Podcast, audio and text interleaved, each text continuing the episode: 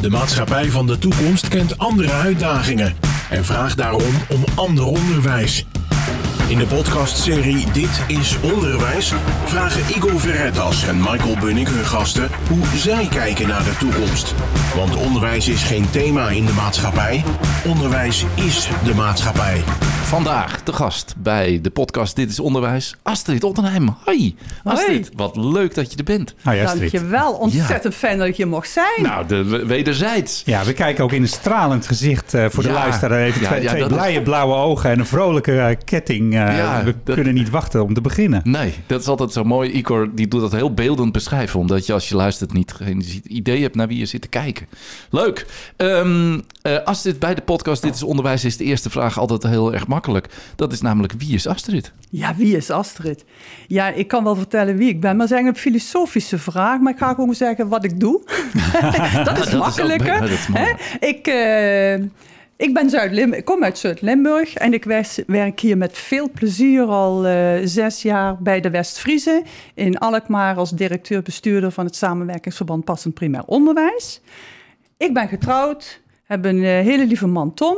Ik woon in Amsterdam. Ik heb twee kinderen. De een, eh, of ja, ik heb, want die heb ik helemaal niet. Nee, hè? nou ja, nee. Maar ik heb, Die heb je op aarde gezet. die Ja, heb ik op ja. aarde gezet. Ja. Die heb ik het leven gegeven en gevoed.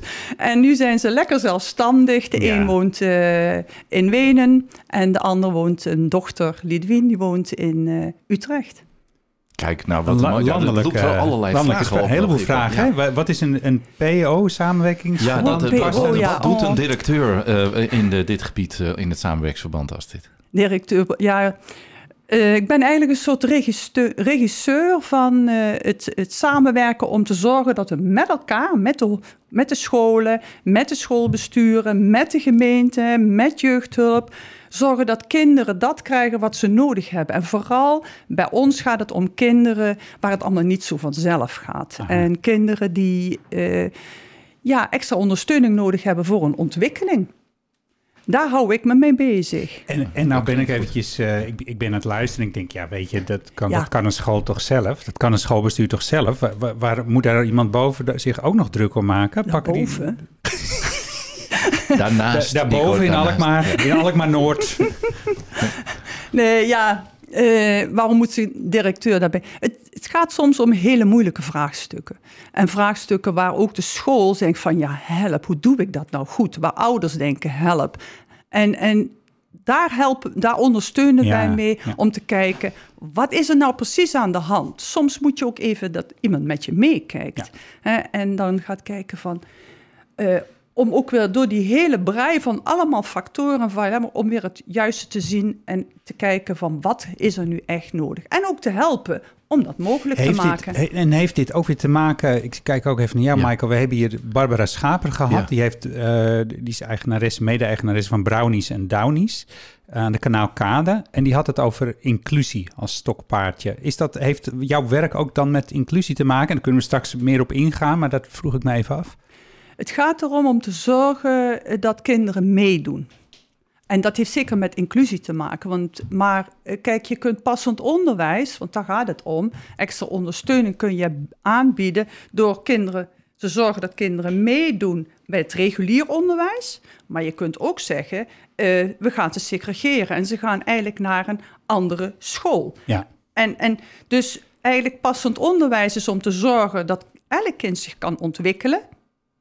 En dat hij dat krijgt wat nodig is. En soms is dat meer dan wat de school alleen kan bieden. precies. Dus op maat. Ja. Op maat. Maar de vraag is waar je dat doet. Ja. Dat bepaalt jouw visie erachter. En dat kan zijn Hmm. of ergens op een andere plek. Of het kan zijn eh, inclusie op de reguliere school. En dat is de beweging die we nu met elkaar aan het Ja, maken zijn. precies. Dat we passend onderwijs, dus die, ook die extra ondersteuning, ook dat maatwerk, veel meer willen gaan bieden op de eigen school. Op de eigen scholen. Interessant. Ja, heel interessant. Ik heb Ja. nog, mag ik nog even iets Zeker. verder teruggraven? Oh, ja. Want eh, eh, als dit, je, je doet dit nu, maar hoe ben je daartoe zo gekomen? Oh ja. Hoe komt iemand uit Zuid-Limburg? Ah, hier in West-Friesland, dat vind ik interessant. En, maar, en wat vind maar- je daarvan? Ja, en, en wat vind je daarvan? Eh, we, eh, dat is mooi, maar eh, we eerst maar eens even... Hoe word je uiteindelijk directeur? eh, Ja. Ja. Dat is, ja, ik, kijk, sommige mensen zijn altijd bezig met hun carrière Oh. en dan maken daar heel strakke plannen. Ik totaal Nee. niet. Ik ben meer bezig, waar gaat mijn hart naar uit en waar word ik, Oh. eh, daar, die, daar laat ik mijn keuzes door leiden. Ik ben eerst eh, ben ik verpleegkundige geweest, wijkverpleegkundige in Beuzegem, Zoelmond en Ravenswaai. Kijk, dat Dus- kent iedereen. Die Dat gaan was, we googelen. dat was, ja, dat was- dat was ik van de week nog. Ja. Nou ja, dat is Ja. mijn start geweest. En, en ja, ik heb, ehm, ik heb daarmee heel veel inzicht gekregen in eh, ja, hoe leven mensen, welke vraagstukken, wat zijn de uitdagingen thuis en hoe zit dat? En vandaar naderhand ik ben ik ook manager bij de thuiszorg geweest. En toen had ik kinderen. En dat was zo leuk. En ik was eh, ook zo'n eh, gezellige bemoeimoeder. ik zat... eh, Je, je raadt het niet. Nee. Nee. Ja, je raadt- ik eh, was eh, luizenmoeder, leesmoeder en voorzitter van de Oh ja. medezeggenschapsraad op eh, de school in Hilversum, waar de kinderen op zaten, Montessori school. En ik vond het geweldig. En toen heb ik aan de directeur gevraagd, wat moet ik nou doen om hier leerkracht te kunnen worden? Dus ik heb mijn baan opgezegd en ik ben de verkorte opleiding, de PABO, gaan doen. Maar dan de verkorte opleiding, niet de zijenstroom, want ik wilde wel alle theorie. En ik ben de Montessori-opleiding tegelijkertijd gaan doen. En zo ben ik juf geworden op een Montessori-school. En dat heb ik jaren gedaan. Onderbouw, middenbouw, bovenbouw. Altijd heterogene groepen. Ik ben ook directeur geweest van een Montessori-school. En zo langzamerhand van adviseur ben ik eh, hier terechtgekomen. Bij de West-Friese. En dat bevalt me zeer goed. Ja, leuk. Zie je verschillen tussen Zuid-Limburg en West-Friesland? Qua hoe het eruit ziet? Gekke vraag. Onder andere. Ja. Ja, hier is het platte Ja, ja, net en, en, en in Limburg is lekker heuvelig. Plat, en hokjes. Plat en hokjes. Nou, Maar bedankt. wel mooi hoor. Oh, plat en hokjes, wel mooi. Ja. Wat goed zeg. Eh, eh, eh, nou, volgens mij zouden we hier een hele podcast al over kunnen vullen. Maar we, gaan eens kijken hoe we je kunnen leggen langs de lat van de stellingen als die we hebben voor je. Prima. Ehm, we beginnen met de eerste. Wat is het belangrijkste dat jij zelf op school hebt geleerd? Het verschil tussen keuzes maken vanuit je hart of vanuit jouw wat moet. Iedereen kan leraar zijn. Iedereen, kan, iedereen is een leraar, maar of je dat kan zijn voor een klas met, met een groep kinderen, dat is een hele grote vraag. En eh, ja, daar komt ook, heb jij, daar kunnen alleen voor mij mensen zijn die dat heel graag willen en dat met het hart willen doen. Mooi, dat sluit een beetje aan bij de volgende stelling. Want kan iedereen dan voor een groep met leerlingen staan? Dat kan, maar hoe je daarvoor staat, dat is een groot verschil. Een en of die kinderen daarvan willen leren, dat is de grote vraag. Zeker. Als je een keuze moet maken, waar kies je dan voor? Een diploma zonder kennis of de kennis zonder een diploma? De laatste. Kinderen worden nu prima voorbereid op de maatschappij. Nee. Als je iets wil toevoegen aan het huidige onderwijs, wat zou dat zijn? Dat we eh, leren vanuit een gemeenschap, dat de school een gemeenschap is, dat we vanuit eh, het hart weer kunnen leren en eh, dat we totaal anders gaan kijken naar onderwijs. Echt omgekeerd. Sociale vaardigheden zijn belangrijker dan kennis. Sociale vaardigheden, dat, dat, dat is je grondinstrumentarium. Plezier is belangrijker dan prestatie. Zeker weten. Lol krijgen in leren en leren is een proces. Het indelen van leerlingen naar niveau zorgt voor tweedeling in de maatschappij. Daar ben ik van overtuigd. En wat is volgens jou het doel van onderwijs? Het doel van onderwijs is dat je, kunt, dat, je, dat je leven kunt inrichten op de eigen wijze die jij graag wilt, in verbinding met anderen. En waar moeten we nou echt mee stoppen in het onderwijs? Ja. Beoordelen van kinderen en kinderen veroordelen. Ik zeg, we moeten nog een paar podcasts hier aan toevoegen, Igor. Dit kan niet in ons mooie 25 minuutjes. Dit wordt spannend. Dit gaat heel veel vaardigheden vragen. Als, Van jullie of van mij? Nou, van, de- van ons. Van Van ons. ons. van onze technicus. Ik weet niet wie. We moeten geholpen worden. Woorden zijn kostbaar, hè? dat zeiden we al. Ja, Astrid, ik, ik ga meteen naar de kern. Anders kijken naar onderwijs, alles omkeren. Wat bedoel je? ja. We zijn eh, heel erg bezig met hoe kunnen we het onderwijs naar het kind brengen. En voor mij denk ik, hoe kunnen we nou die leeromgeving waarin dat kind is, hoe kunnen we daar nou voor zo inrichten dat het kind naar het onderwijs gaat? En, en voor mij is dat een hele belangrijke. Want we leren gaat niet over consumeren wat de leerkracht vertelt. Leren gaat over een proces waardoor je zelf als kind geactiveerd nieuwsgierig wordt, gaat verwonderen. En dat je denkt, wauw, dat is interessant. Ja. Hoe zit dat? Je ziet wel eens op, op LinkedIn zo'n zo'n spreekwoord... leren is niet een vat vullen, maar een vuur aansteken. Ja. Bedoel je dat? Ja. Zo, om het maar Ja. eventjes... En, en dat kinderen weer denken, oh, dat wil ik leren. Daar wil ik eens een tijdje lekker mee bezig kunnen zijn. En dat je daar ook eens gewoon heerlijk een tijd in kunt verliezen. En hoe kunnen we...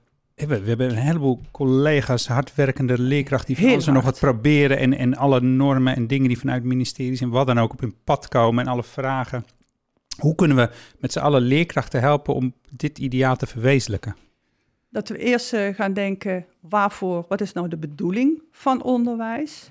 En dat we niet denken, ja, leuk al die aanwijzingen en regels, maar als dat niet werkt, moeten we daar ook mee stoppen en maar wel gaan uitleggen. Volgens mij is er veel meer ruimte. Ik kom uit het Montessori-onderwijs. Ik, eh, ik weet dat er veel meer ruimte is.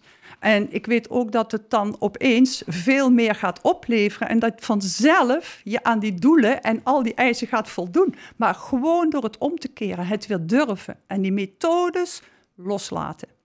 Zijn hand is een bronnenboek, meer niet. Kijk wat er leeft, speel erop in. Ik hoorde je ook over gemeenschap, want daar zijn we vanuit Dit is Onderwijs ook mee bezig. Veel meer Ja. de, de brug leggen tussen scholen en de omgeving. Hoe kijk jij daarnaar?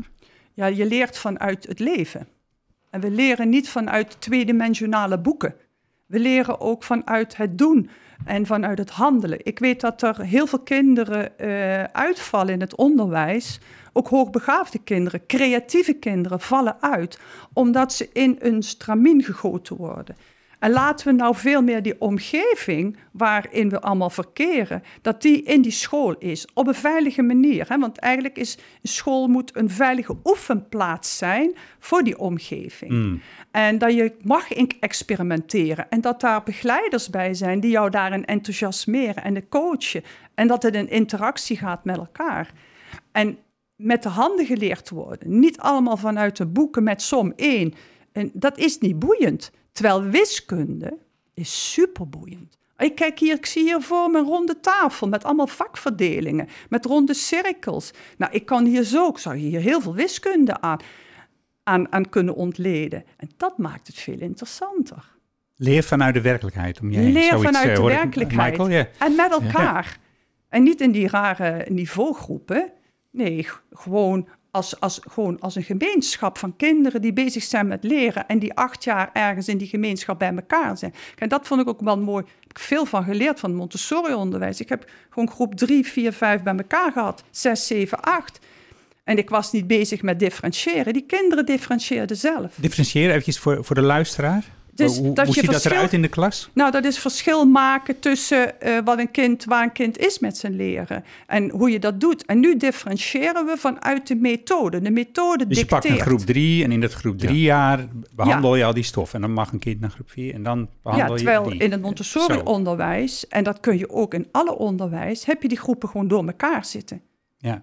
En, en ga, jij, eh, ga jij gewoon door in, door in je leeromgeving goed in te richten, kan kinderen kiezen waar ze mee bezig zijn. En soms doe je ook instructies met die hele groep, drie, vier, vijf. En je weet, ze zitten allemaal op een ander niveau. en ze kunnen elkaar... Ja. Ik heb heel veel leerkrachten dan in de klas. Ik hoef het Heb je niet handen alleen over? te doen. Ook nog. Heerlijk. hè? Michael, jij bent schooldirecteur. Ja, en onder nou ja. andere, wat, eh, wat kan Ik- dit nou allemaal Ja, zomaar? natuurlijk kan dit. Ja. Maar ik hoor een aantal hele mooie eh, woorden ook, vooral eh, die je moet vertalen naar praktische handvatten voor Ja. die leerkracht die anders is opgeleid. Hè, dus dat, dat Klopt. hebben we ook wel veel vaker gehoord. We hebben, vanuit, we hebben ook een pabo nodig die daarin ook anders eh, deze mensen klaarstoomt om uiteindelijk dat te durven doen. Dat vond ik ook een mooie opmerking.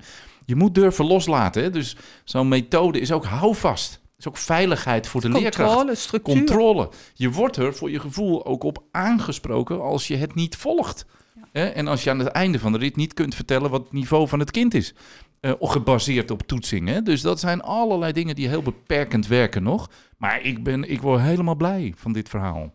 Ja, maar even nog op toetsen. Ja, graag. Want eh hè, we komen nou die hele discussie helemaal geen toetsen. Ja, weet je, we moeten wel herdefiniëren. En Mhm. toetsen op dit moment wordt gewoon misbruikt. Ja. Je, zei, je hebt het over, in je antwoord over beoordelen en veroordelen gehad. Ja. Bedoel je dan ook toetsen? Ja, Ja. Onder Ja. andere? Ja. Ja, want, want een kind, eh, wat we daarmee doen, we gaan de prestatie, de output belangrijker maken voor het kind dan het leerproces. Ja. Terwijl een leerproces, ja, dat is soms spannend, dat is soms leuk, maar het is ook soms heel erg ingewikkeld. Want leren is ook oefenen. En dus jezelf uitleer, uitdagen. En wat we nu doen, we, we, we, we- door de toetsen maken we, het- leggen we het accent op de prestatie en niet meer op het proces. Wat, wat moet er gebeuren? Ja, ik zou zeggen, eh, ga het kind dat het kind zichzelf gaat kijken, leerdoelen gaat stellen, een portfolio en gaat zichzelf gaat zeggen van kijk, dit wil ik leren en ik heb op dit manier heb ik dat gedaan. En laat zichzelf bewijzen in zichzelf, eh, eh, zeg maar, kijken of hoe die dat heeft geleerd. En een leerkracht die dat proces gaat stimuleren. En ook wanneer een kind even denkt, ik heb er helemaal geen zin meer in, dat die toch weer helpt van hoe, hoe ga je het dan wel doen? En hè? hoe kijk je dan aan tegen die discussie over toetsen, de examens, eindtoets, tussentoets, wat, wat dan ook? Nou ja, ik, ik, kijk, een toets, de toetsen die we nu gebruiken, die worden gewoon echt misbruikt. En dat, ben ik gewoon, dat vind ik echt erg. Het wordt, kinderen worden daarop beoordeeld, terwijl het niks zegt over het kind. Het zegt iets over eh, hoe het, eh, waar kinderen met elkaar in die hele groep zitten. in een groot gemiddelde. In een ja. grote gemiddelde. Ja. En, Want en waar zijn toetsen nuttig voor? nou, toets kan nut, is misschien wel eens een keer nuttig om, om, om een kritische eh, noot te hebben voor waar zit de school. Hè, want ik weet als adviseur, ik ben ook onderwijsadviseur geweest. En ik kon eigenlijk al zien, bijvoorbeeld bij de spellingstoetsen, welke methode een school gebruikte. Kijk, Dus daarmee zie je dat een toets, een genormeerde toets, zegt alleen maar iets over wat de school wel of niet heeft aangeboden. Dat zegt niets over die capaciteiten. nee. Het, het, het zegt meer iets over de school, hoe die ja. doet, dan over... Ik hoor echt een pleidooi om anders naar toetsen te, te, te Nou kijken. ja, ik vind het heel mooi dat je kijkt naar het kind. Exact. Eh, en dat je dus niet iets doet om het kind te beoordelen of te veroordelen. Nee. En dat doen we nog te veel met z'n allen. Hè? Dus Ja. dat, is niet, dat ligt niet alleen aan de methode, ligt niet alleen aan het toetsen. Dat ligt ook aan ons als professionals in het onderwijs. En dat ligt ook aan onze samenleving. Hè, want Ja, we zijn ook, eigenlijk eh, toetsen, maar is een lekker versimplificering van de werkelijkheid. Maar onderwijs is complex. Veel variabelen hebben daar invloed op. En eh, we zijn gaan denken, oh, dan hebben we tenminste controle over hoe het gaat. Maar we hebben nul controle. We hebben eigenlijk, is het een soort target geworden waar we allemaal aan moeten voldoen. heel, eh, Waar de, eh, bestuurders, inspectie, schoolleiders, IB'ers, leerkrachten allemaal last van hebben. En uiteindelijk het kind ook. als allergrootste. En daar moeten we echt mee stoppen. Astrid, een bruggetje naar het begin van het gesprek nog even eh, terug over, eh, ook over jezelf zijn en, en dat soort dingen. Eh, we hadden hier een vorige gast, Barbara Schapen zei ik al, die Ja. hield een pleidooi voor inclusie. Zij, zij Ja. werkt eh, met eh, heel veel jongeren Ja. met, eh, met een beperking. Ja. Ze zegt, maak nou in iedere basisschool een klaslokaal vast waar die jongeren al in zitten. Dan krijgen ze wel zelf les, en, maar dan ontmoeten ze ook andere kinderen. Dat, dat, dat is de samenleving, de gemeenschap waar, waar jij het nu over hebt, doet me dat aan denken. Ja. Wat vind jij van zo'n plan?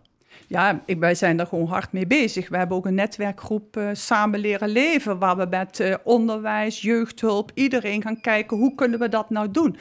En Samen Leren Leven, ja, dat staat voor mij voor inclusie. En welke vorm en hoe we dat gaan doen, ik denk dat er meerdere vormen gaan ontstaan.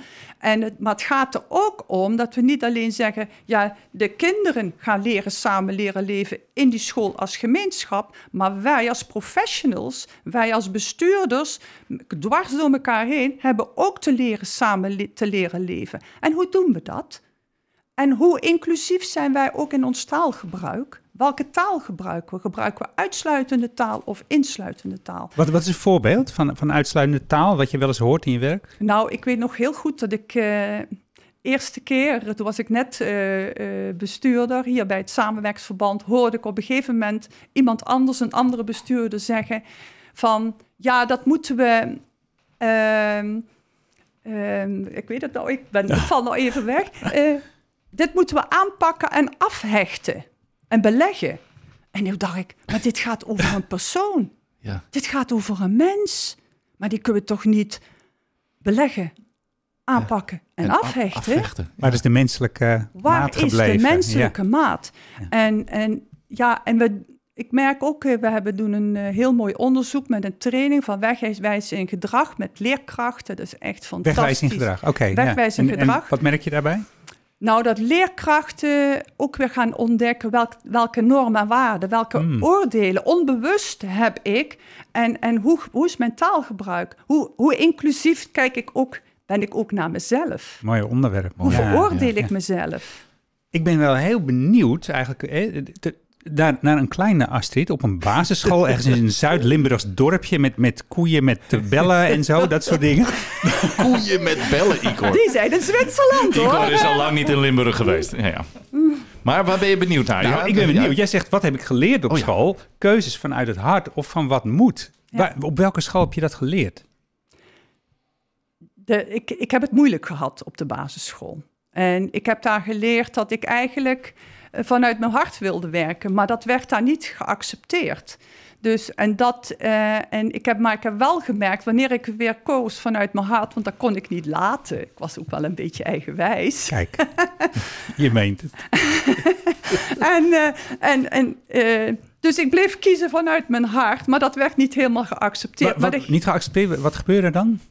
Eh, nou ja, ik ben, eh, ben ook gewoon gepest geworden door, eh, eh, ook door leerkrachten. Dus Mm. ik weet wat woorden doen en wat, wat, wat dat ook voor een kind nog een jarenlange worsteling is in je hele leven. Ja. En, en wat ik ook heb ontdekt daardoor, wanneer ik toch blijf kiezen vanuit het hart, dat het dan weer gaat vloeien. En dat je dan weer opening en hoop krijgt. En dat je dan niet gaat vastzitten in de keuzes van anderen, wat anderen denken dat jij moet doen. Kijk. Als je De kiest vanuit je hart, Ja. gaat het vloeien. En is er voor jou een hele Mooi. belangrijke hartskeuze die je met ons wilt delen? Je zegt, ja, dat was wel een beslissend moment. Dat ik toch voor mijn hart koos. Ik weet nog, dat, dat was in Zwitserland, in, bij, wel bij de Toch koeien die koeien. bellen. Igor wist het wel. aankomen. Niet, eh, boven, hoog in de bergen. Ik denk, want ik was toen 13. En ik was net eh, de brugklas gehad, eh de middelbare school. En dat was gewoon niet, geen goed jaar geweest. En ik was daar ook weer gepest. En ik kwam eigenlijk weer dezelfde mensen tegen die ik op de basisschool ook had tegengekomen. En eh, mijn punten, dat waren toto-uitslagen, zou ik maar zeggen. en, eh, 1-3-1. Och man, getreurig. En toen weet ik nog heel goed boven op die berg. En ik dacht, en ik heb hier geen zin meer in. Ik ga gewoon voor mezelf kiezen. En vanaf dat moment, die keuze, dat is voor mij heel belangrijk geweest. En ik ben weer gaan zoeken, waar heb ik nou lollen in? En ja, dat wist ik eigenlijk heel goed. En sinds die tijd is dat stapje voor stapje, is dat steeds anders, steeds, steeds beter gegaan. Nou ja, en uiteindelijk eh, voor allerhande opleidingen gedaan. Ja, en, ja. Ik vind, En- eh, en ik vind leren ons superleuk. Wat Prachtig. mooi als dit... Ja. Eh, wat heerlijk. Volgens mij kunnen we nog eh, uren met elkaar kletsen. We, hadden, we begonnen er al mee dat als een soort waarschuwing. Eh, maar het is eigenlijk heel mooi. Ehm, wat ik nog graag aan je wil vragen zijn twee dingen. Eh, binnen de podcast-serie die we maken over Dit is Onderwijs... eh, proberen we ook de link echt met de kinderen te leggen. We zijn hier eigenlijk ooit mee begonnen... omdat we die nieuwsgierigheid... Ja. en dat hoor ik ook wel in je verhaal terug... van kinderen zo belangrijk vinden. Zo belangrijk. En een van die vormen waarin we die kinderen eigenlijk willen uitdagen hun nieuwsgierigheid te delen, is ze vlogjes te laten maken met een vraag, een nieuwsgierigheidsvraag. Prachtig. Met welke mooie vraag eh, zou jij nou graag verrast willen worden? Met welke vraag mogen kinderen bij jou komen? Over wat voor onderwerp mag dat gaan? Nou, dat mag over heel veel onderwerpen gaan hoor. Eh, eh, maar ik ben ook heel nieuwsgierig van welke levenslessen. Iedereen heeft zijn leven, levenslessen. En welk hoe. Ik vind eigenlijk, ja, we werken met levenskunst. En eh, welke vraag hebben zij over het leven? En wat zouden ze misschien van mij kunnen leren of niet? Hè, van mijn valkuilen, want daar is ook heel veel van te leren. We leren heel veel Mhm. van fouten en van fouten van anderen. En eh, nou, daar mogen ze me bij me Mooi, komen. wat leuk. Dat gaan Ja. we met ze delen, Igor. En de, de laatste vraag die we in ieder geval altijd stellen, als dit is, eh, eh, jij was hier vandaag nu te gast bij ons, maar we willen deze podcast nog lang voort blijven zetten. Dus we vragen eigenlijk altijd onze gast ook om een soort nieuwe gast te introduceren. Dus wie zou jij uit jouw netwerk, vrienden, familiekring eh, willen voordragen om hier bij de microfoon aan te schrijven? Ja, ik, ik, ik, eh, ik verwachtte deze vraag al. Ehm, ik, maar ik heb er twee. Dat mag ook. Mag dat? Ja, dat mag zeker. Ja, ik heb er eentje, eh, dat is Gerard Steenhof. Dat is een consulent bij ons samenwerkingsverband. Die zo, ja, echt zo mooi vanuit uit de school, vanuit het kind. En daarin dat vorm kan geven. En ja, die zou ik, eh, die is denk ik heel erg interessant. En een andere, die komt uit een totaal andere hoek. Kijk, want dat, is ook. Ja, is belangrijk. ook- hè? ja, zeker. Ik, eh, en dat is eh, Wouter Staal, jeugdpsychiater bij Karakter. Hij is ook hoogleraar jeugdpsychiatrie en autisme in Leiden en in Radboud Universiteit Nijmegen. En hij heeft ook echt heel mooie ideeën over hoe kunnen we nou veerkracht van kinderen stimuleren. En dat we niet kinderen zeggen, ze zijn kwetsbare kinderen, maar we hebben kinderen in kwetsbare situaties. Mooi. En daar kan hij heel veel over vertellen. Wouter, heb je hem opgeschreven, Igor? Hij staat we genoteerd, Astrid. op de lijst. Astrid, dank je wel. Niet alleen voor dit mooie gesprek, eh, maar ook voor deze hele mooie nieuwe gasten die wij gaan proberen uit te nodigen voor de volgende Ja, podcast. en voor de levenskunst die En je voor de geïntroduceerd hebt. levenskunst. Ja, en het kiezen vanuit het hart, want dan wordt het weer vloeiend. Dank je wel. Graag gedaan. Was een plezier om te doen. Gaan we nog een keer? Nou, eh, dank je. Graag. Dit was Dit is Onderwijs. Een podcast waarin we proberen een verbinding te maken tussen het onderwijs en de wereld van morgen. En die van de dag daarna. Dit is Onderwijs is een samenwerking tussen SAX en Streekstad Centraal.